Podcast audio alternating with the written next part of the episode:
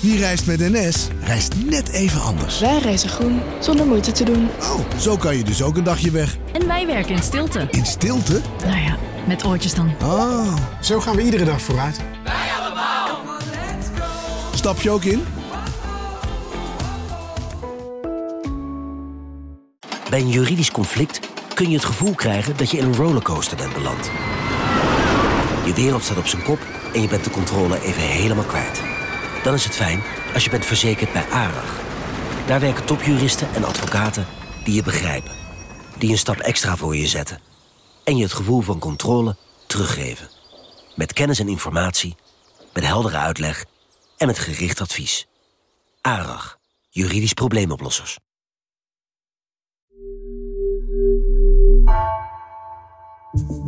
Vanaf de redactie van NRC het verhaal van vandaag. Mijn naam is Gabriella Ader.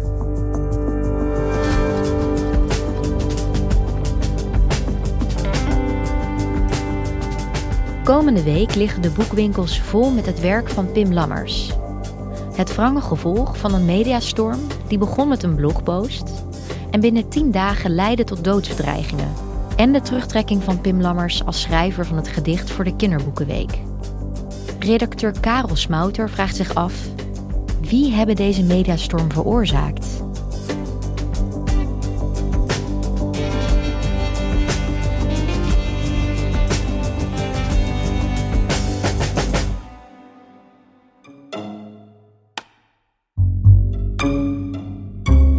Als je de komende week een uh, boekhandel betreedt, is de kans groot dat je daar de kinderboeken van Pim Lammers in de etalage ziet liggen. Intussen is zijn laatste boek zelfs uitverkocht, dus uh, Pim Lammers is ineens overal. Dat klinkt natuurlijk als goed nieuws voor de schrijver, voor de literatuur. Maar het is allemaal ja, een reactie op het feit dat deze schrijver vorige week liet weten het kinderboekenweek gedicht dat hij zou schrijven niet te gaan schrijven. Naar aanleiding van de doodsbedreiging die hij heeft ontvangen. Hij heeft zich teruggetrokken. En dat is weer het gevolg van een uh, ja, sociale media hetze, zou je kunnen zeggen. Waar hij het onderwerp van was. Op basis van een oude tekst van hem uit 2016. Ja, hij werd hij neergezet als een pedofiel. Als iemand die ja, seksueel misbruik uh, zou verheerlijken. En het leidde zelfs tot kamervragen. En uiteindelijk tot een tweet van minister-president Rutte. Die zich uitsprak voor het vrije woord.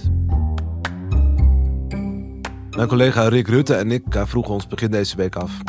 Hoe kan het dat ja, iets dat begint op zo'n kleine plek op het internet zo groot geworden is. En dat in tien dagen tijd zeg maar, iedereen het ineens over Pim Lammers heeft. Ja, laten we dan bij het begin beginnen. Eerst even over het verhaal, hè, uh, waar het net over had. Wat voor soort verhaal is dit? Waar moet ik dan aan denken?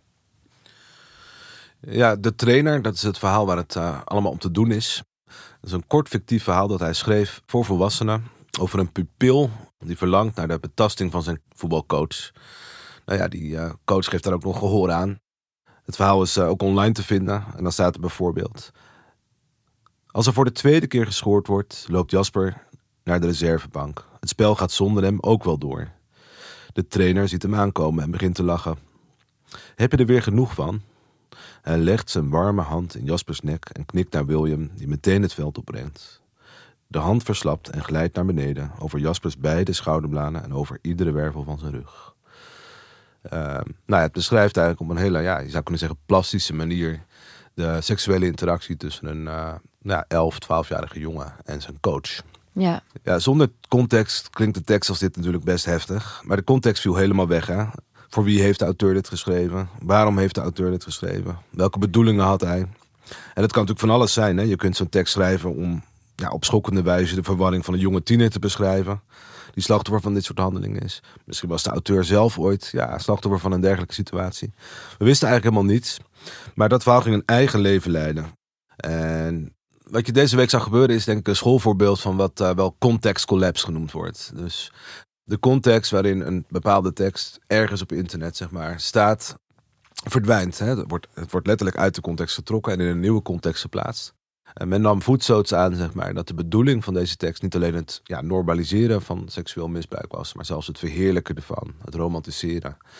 Pedoporno werd het genoemd. En wat je vervolgens zag gebeuren is dat er uh, nou, niet alleen een koor aan verontwaardiging op sociale media ontstond, maar dat er ook uh, doodsbedreigingen de kant van Lammers opkwamen. En vervolgens trok hij zich terug met de woorden: Een gedicht schrijven is mij geen doodsbedreigingen waard. De aantijgingen zijn pertinent onwaar. En ik heb dan ook aangifte gedaan. Ja, wat was het startpunt van deze online discussie? Hoe is dat precies begonnen? Ja, als je het spoor helemaal terugvolt, dan kom je uit bij een blogpost op een soort groepsblog met de naam reactionair.nl van 27 januari dit jaar. Dus ruim een week voordat uh, de rel losbarstte. En dat reactionair.nl, wat, wat is dat precies? Ja, reactionair.nl is een, uh, een, soort groepsblog van jonge conservatieven die uh, elkaar eigenlijk vinden in ja, een soort afkeer van de moderne wereld, zou je kunnen zeggen. Het is niet een enorm platform. Het was gemeten over de afgelopen drie maanden de 71 244ste site van Nederland. um, en het had afgelopen maand zo'n uh, 14.000 bezoekers per maand. Uh, maar in sommige maanden zelfs nog veel minder. Dus ja, dat zijn niet de aantallen die, no die, je nodig hebt om echt impact te hebben natuurlijk. Nee. Het is echt een, ja, een online verzamelplaats eigenlijk van ja, jonge conservatieven die lange stukken schrijven over hoe het volgens hun helemaal misgelopen is met de wereld. En hoe we terug moeten naar de wereld die zij voor zich zien. Mm. En ja. Een van hen heeft dus een stuk geschreven over de tekst van Pim Lammers. Ja, dat is iemand die uh, eerder al op 4 april 2022 over Pim Lammers schreef. En die op 27 januari opnieuw over Pim Lammers schreef. Uh, omdat uh, ja, Pim Lammers was aangekondigd op dat moment als de auteur van het kinderboekenweekgedicht. Dus dat was voor hem de reden om ja, hem zeg maar opnieuw op de korrel te nemen. Ja, en wie is deze man? Nou, we ontdekten dat die blogpost geschreven was door een schrijver die gebruik maakt van het pseudoniem Vrederijk. Nou hebben we niet kunnen achterhalen wie deze persoon zelf is in het echte leven. Maar hij wilde wel anoniem met ons bellen, dus onder zijn pseudoniem. En verder, ja, dat is heel onbevredigend natuurlijk. Het is ook een beetje vreemd als je bedenkt dat je wel ja, mensen met naam en toenaam zeg maar, van van alles beschuldigt. En eigenlijk zelf zegt van ja, ik heb aan mijn gezin beloofd dat ik uh, anoniem blijf. Want uh, we krijgen bedreigingen bij reactionair.nl. En vandaar dat ik niet met uh, eigen naam zeg maar, wil uh, publiceren en ook niet wil reageren. Ja. Dus je zou kunnen zeggen dat dat een beetje een dubbele standaard is. Ja, precies. Ja. Een beetje makkelijk ergens. Ja, ja. Dus... En um, wat vertelde hij jullie over, over zijn tekst over Pim Lammers? Nou, wat we interessant vonden is dat hij het dus al eerder over Pim Lammers gehad heeft. Toen in de context van ja, een soort algemeen stuk over de zorgen dat ja, LHBTI in het onderwijs uh, terechtkomt. Dat basisschoolleerlingen op jonge leeftijd met genderideologie geconfronteerd worden. En hij werd genoemd als voorbeeld eigenlijk van een kinderboekenauteur die dat zou willen normaliseren. En wat wij interessant vonden om te merken is dat uh, hij eigenlijk tegen, tegen ons zei van, ja, dat pedoseksuele was voor mij lang niet het belangrijkste. Het ging me eigenlijk om nou ja, het voorkomen dat, dat iemand die zo expliciet over zijn homoseksualiteit schrijft bijvoorbeeld, dat die uh, in aanraking zou komen met jongeren uh, en kinderen. Dus, dus uh, dat pedoseksuele, dat is er eigenlijk een beetje bijgekomen, zou je kunnen zeggen. Ja, ja, dus het was voor deze Frederik eigenlijk belangrijker om die heteroseksuele conservatieve normen zo te houden. Ja. En hij voelde zich bedreigd door Pim Ze zien zich als uh, beschermers inderdaad van, uh, van het traditionele christelijke gezin, zou je kunnen zeggen. Ja, want wat voor boeken schreef Pim Lammers eerder dan? Nou, hij heeft ook een aantal kinderboeken gemaakt. Die gaan over thema's als genderidentiteit, homoseksualiteit, racisme. Het lammetje dat een vark is bijvoorbeeld, gaat over genderidentiteit. Mm -hmm. Daar won hij ook een zilveren griffel mee. Of De Boer en de Dierenarts. Dat gaat over twee mannen die op elkaar verliefd worden.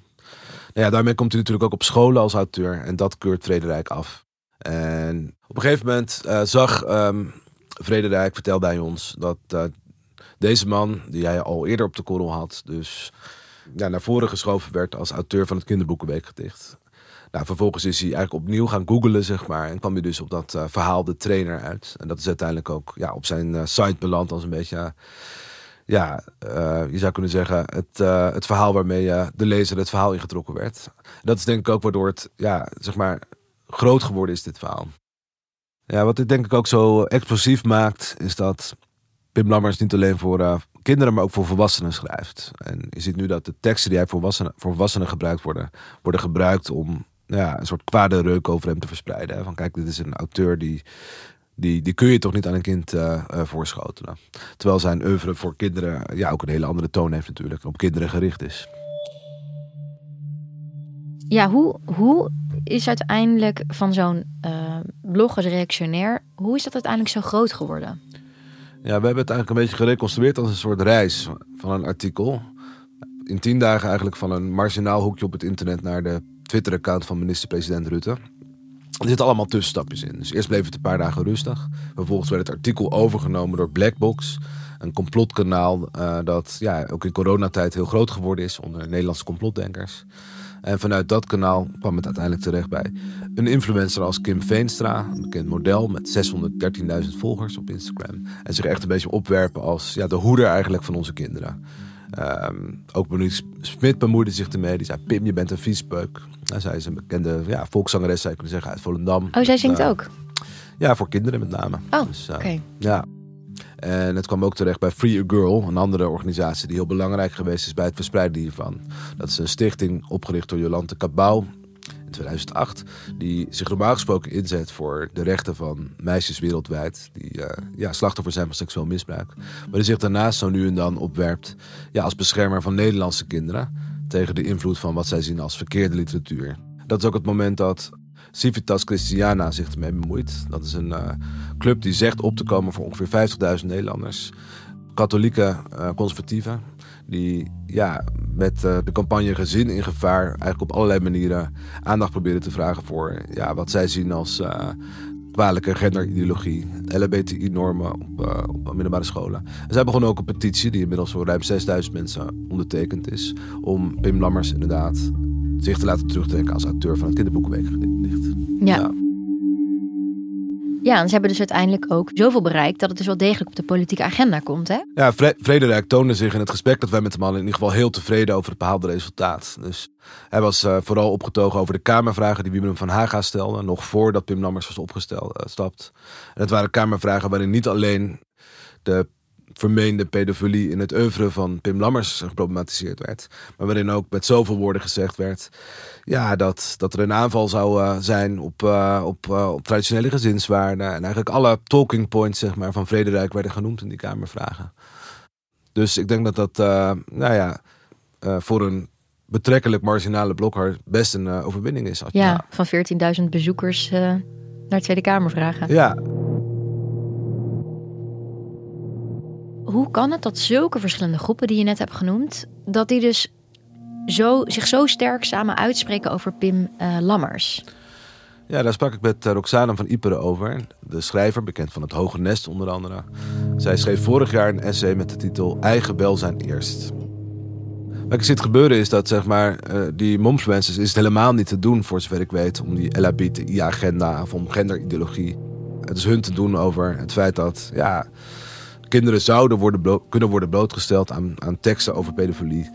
Nou, al die op het oog verschillende groepen die vinden elkaar dan opeens, op het oog opeens, um, in een onderwerp als kindermisbruik en het al dan niet overschrijden van grenzen in literatuur door iemand als, als, als, als Pim Lammers. Omdat zij um, hetzelfde gevoel bij dit onderwerp hebben.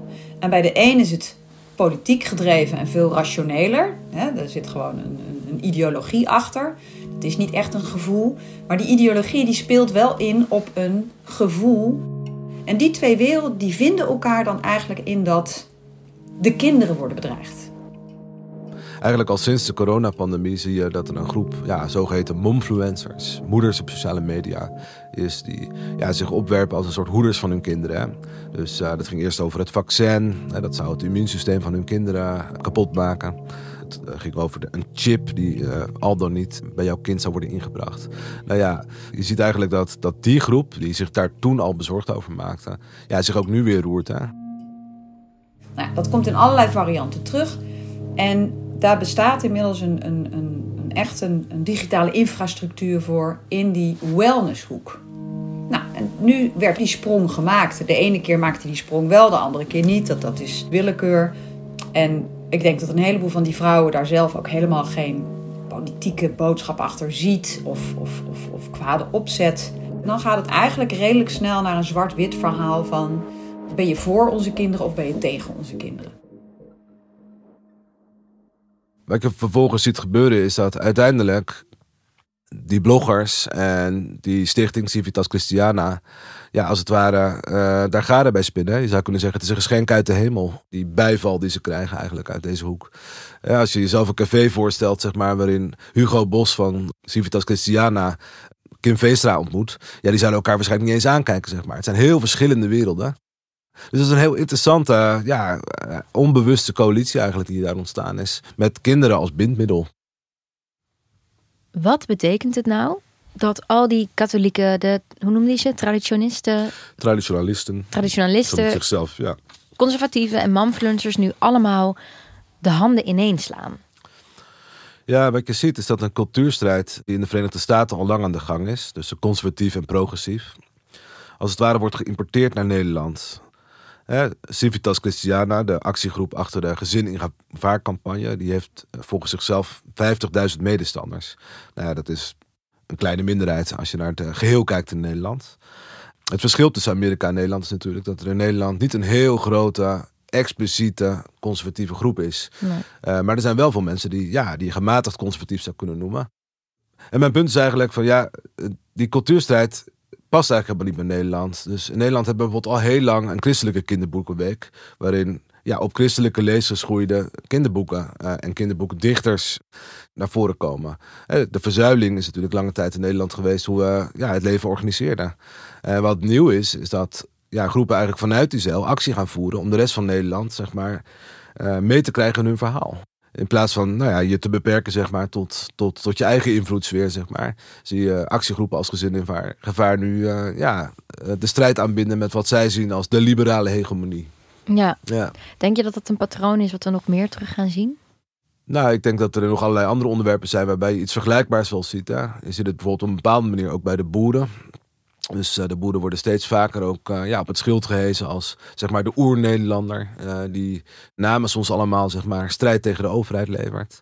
Het zijn ook allemaal ja, exponenten eigenlijk van iets wat wereldwijd aan de gang is. Hè? Dus over de hele wereld zie je ja, dat met bijvoorbeeld het gezin als argument actie gevoerd wordt. En als je bijvoorbeeld kijkt naar de, de nieuwe premier van Italië, dat is ook iemand, hè, Meloni, die voortdurend over haar kinderen begint. En Ja. over ehm, Conservatieve ideeën, de conservatieve moeder. ideeën. Ja, ja. hè, Roxane van Ypres vertelde dat ook heel mooi in het gesprek ik met haar voerde. Die zei van ja, het is een ontzettend oud patroon. Hè? Denk aan Maria die het kind vasthoudt. Het, het zit als het ware vast in de hoofden van mensen. En een organisatie zeg maar die eh, moeders als, eh, ja, als postervrouwen zeg maar inzet. eh, of een beweging die, die, die als het ware actie voert met moeders die voorop lopen. Ja, dat, dat, die, komt, die komt onverdacht over. Hè? Wie Ja. is er nou tegen moeders? Heel sterk beeld. Het is een heel sterk beeld. Iedereen is voor moeders die, en iedereen is voor kinderen. Ja. Dus je zou kunnen zeggen, hè, het is ons niet eh, opgevallen dat er bijvoorbeeld strategische afstemming zou zijn tussen aan de ene kant een model als Kim Veenstra en aan de andere kant eh, die conservatieve actieclubs. Maar het is wel zo dat ja, de, die influencers als het ware een megafoon zijn voor het gedachtegoed van die clubs. En ik weet niet of ze zich daar altijd bewust van zijn. En ja, hoe gaat het nu verder, deze, ja, deze saga, om het maar weer zo te noemen?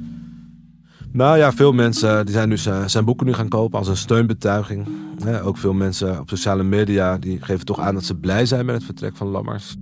Morgen op zaterdag ja, volgt een grote advertentie en eigenlijk in alle kranten ondertekend door naar verwachting zo'n 2000 schrijvers, vertalers, uitgevers en boekenvakorganisaties. Dus je ziet dat cultureel Nederland zeg maar, zich echt opwerpt als, ja, als hoeders eigenlijk van deze Pim Lammers en van zijn eh, gedachtegoed. Het vrije woord. Dus, eh, en van het vrije woord. Ja. Dus, ehm, en dat is op zich opmerkelijk, want talkshows schijnen heel veel schrijvers benaderd te hebben om eh, aan te schrijven, maar niemand ging daarop in. Hè, behalve Helene van Rooyen en Jacques Vriends. Maar nu komt er dus toch wel bijval, ook uit eh, de literaire wereld. Ja. En hoe denk je dat dit voor, ja, hoe verloopt het nu voor Lammers? Nou ja, het zou heel opportunistisch zijn om te zeggen dat het fijn is dat zijn werk nu goed verkoopt. Maar dit is natuurlijk niet waar je op uit bent. En eh, voor hem zal er altijd een soort van kwade reuk rondom zijn werk blijven hangen. Wat gebeurd is, is dat er een schrijver in Nederland monddood gemaakt is. En ik denk niet dat je dat moet onderschatten, hoe ernstig dat eigenlijk is. Is natuurlijk een van de zwaarste verwijten die je kunt maken tegen iemand. Dus, eh, dus ik denk dat Pim Lammers alle aandacht die er nu voor zijn boeken is... graag zou inruilen zeg maar, tegen de wereld voor deze rel. Ja. dus misschien nu even een paar weken een hoge verkoop, maar vervolgens wel gebrandmerkt. Ja, gebrandmerkt. En ehm, we weten dus ook dat als je zo'n stempel eenmaal hebt, dan ben je dat niet zo snel meer kwijt. Ja. Oké, dankjewel Karel. Graag gedaan. Je luisterde naar vandaag, een podcast van NRC. Eén verhaal, elke dag. Deze aflevering werd gemaakt door Ruben Pest, Miele Marie Bleeksma en Jeppe van Kesteren. Coördinatie door Henk Ruigrok van de Werven. Dit was vandaag, maandag weer.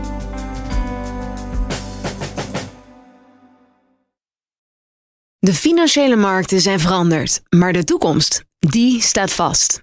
We zijn in transitie naar een klimaatneutrale economie. Dit biedt een van de grootste investeringskansen van onze generatie. Een kans voor u om mee te groeien met de pioniers van morgen. Meer weten? Ga naar carbonequity.com. Carbon Equity. Do good by investing better.